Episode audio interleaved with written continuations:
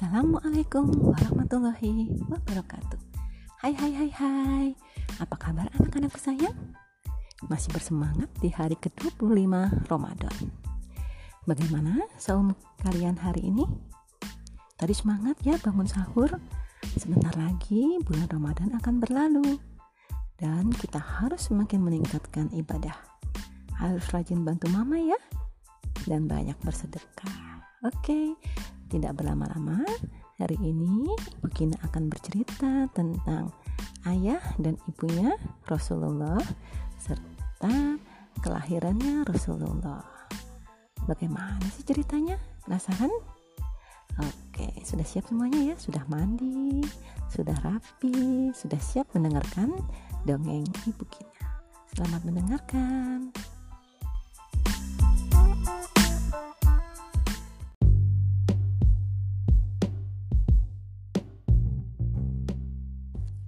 Nah, anak-anakku sayang, ada yang tahu siapa ayahnya Nabi Muhammad SAW?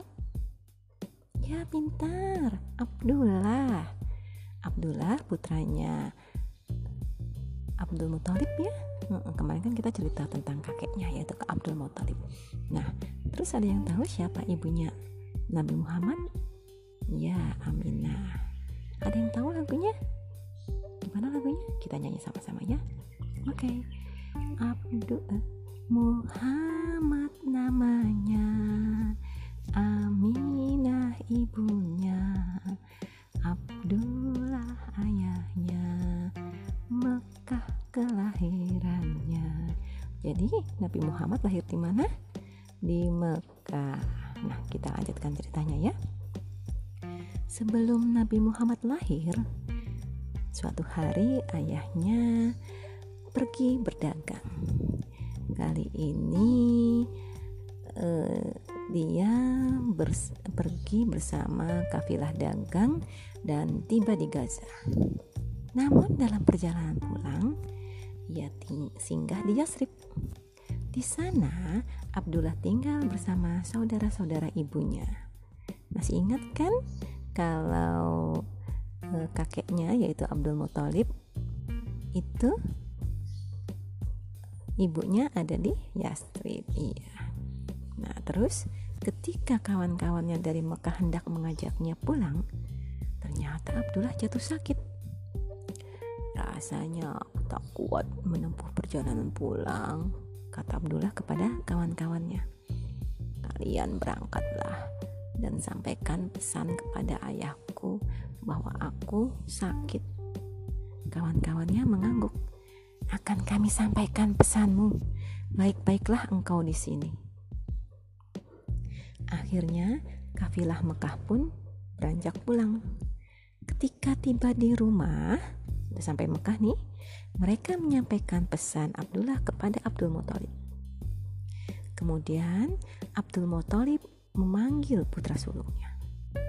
Haris, pergilah ke Yasrib. Lihatlah keadaan adikmu. Jika sudah sembuh, Jemputlah ia pulang. Haris pun segera berangkat. Ketika tiba di rumah paman-pamannya di Yasrib, yang ditemuinya adalah wajah-wajah duka. Abdullah telah meninggal, kata mereka kepadanya. Mari kami antar engkau ke pusaranya. Kemudian Haris pun kembali ke Mekah dan menyampaikan berita sedih itu kepada ayahnya. Melelehlah air mata di pipi Abdul Muthalib. Namun kesedihan paling berat dirasakan oleh istrinya Abdullah yaitu Aminah.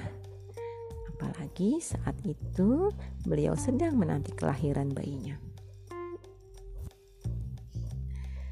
Anak-anakku tersayang, tak lama kemudian bayi Aminah pun lahir.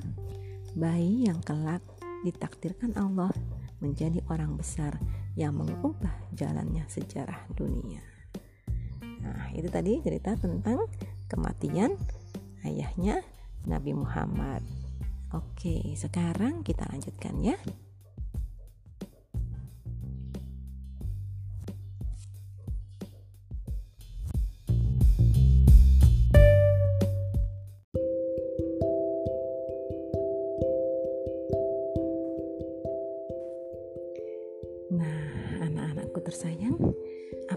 Terjadi dengan Aminah dan bayinya? Ya, bayi yang lahir pada hari Senin pagi, tanggal 12 Rabiul Awal itu adalah seorang bayi laki-laki yang lahir di tahun gajah, yaitu tahun penyerbuan Raja Abraha ke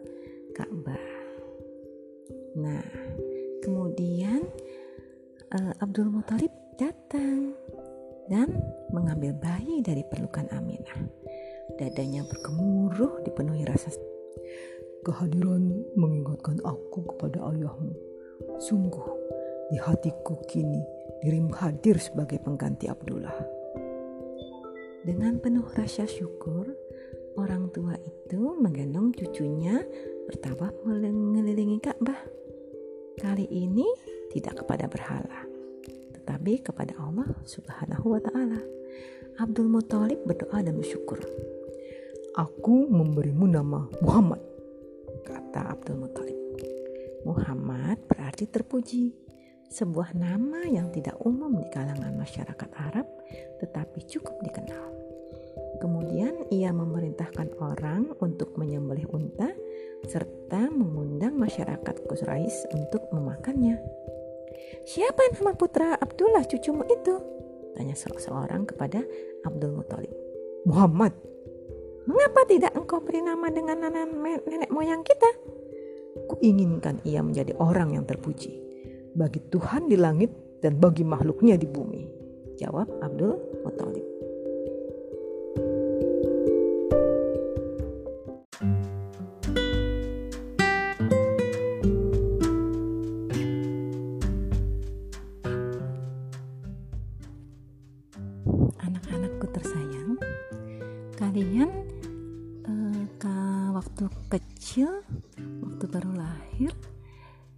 Disusui mama? Iya, kalian mendapatkan air susu ibu dari mama. Tapi di kalangan bangsa Arab, di kalangan bangsawan Arab, ada tradisi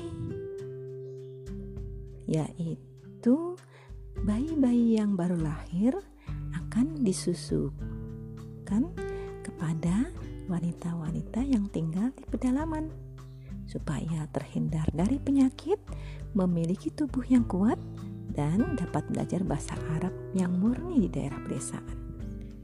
Demikian juga dengan Nabi kita Muhammad Shallallahu Alaihi Wasallam. Beliau diasuh dan dipelihara oleh seorang ibu bernama Halimah binti Abu Zuaib. Ketika Rasulullah di bawah pengasuhannya Halimah dan suaminya, Rasulullah itu ternyata membawa banyak sekali keberkahan. Air susu Halimah menjadi berlimpah. E, ternak keluarga Halimah juga menjadi berkembang biak dengan banyak. Tanah pertaniannya juga menjadi subur. Masya Allah, Allah memberikan keberkahan kepada keluarga angkatnya, keluarga eh, susuannya dari Nabi Muhammad Shallallahu Alaihi Wasallam. Dan Nabi Muhammad ini dipelihara dan diasuh hingga usia lima tahun di daerah pedesaan. Nah, nanti beliau akan mengalami sebuah peristiwa besar ketika beliau kecil di pedesaan itu. Apakah peristiwa itu? Penasaran? Ya, besok kita lanjutkan ceritanya ya. Jangan lupa tetap semangat.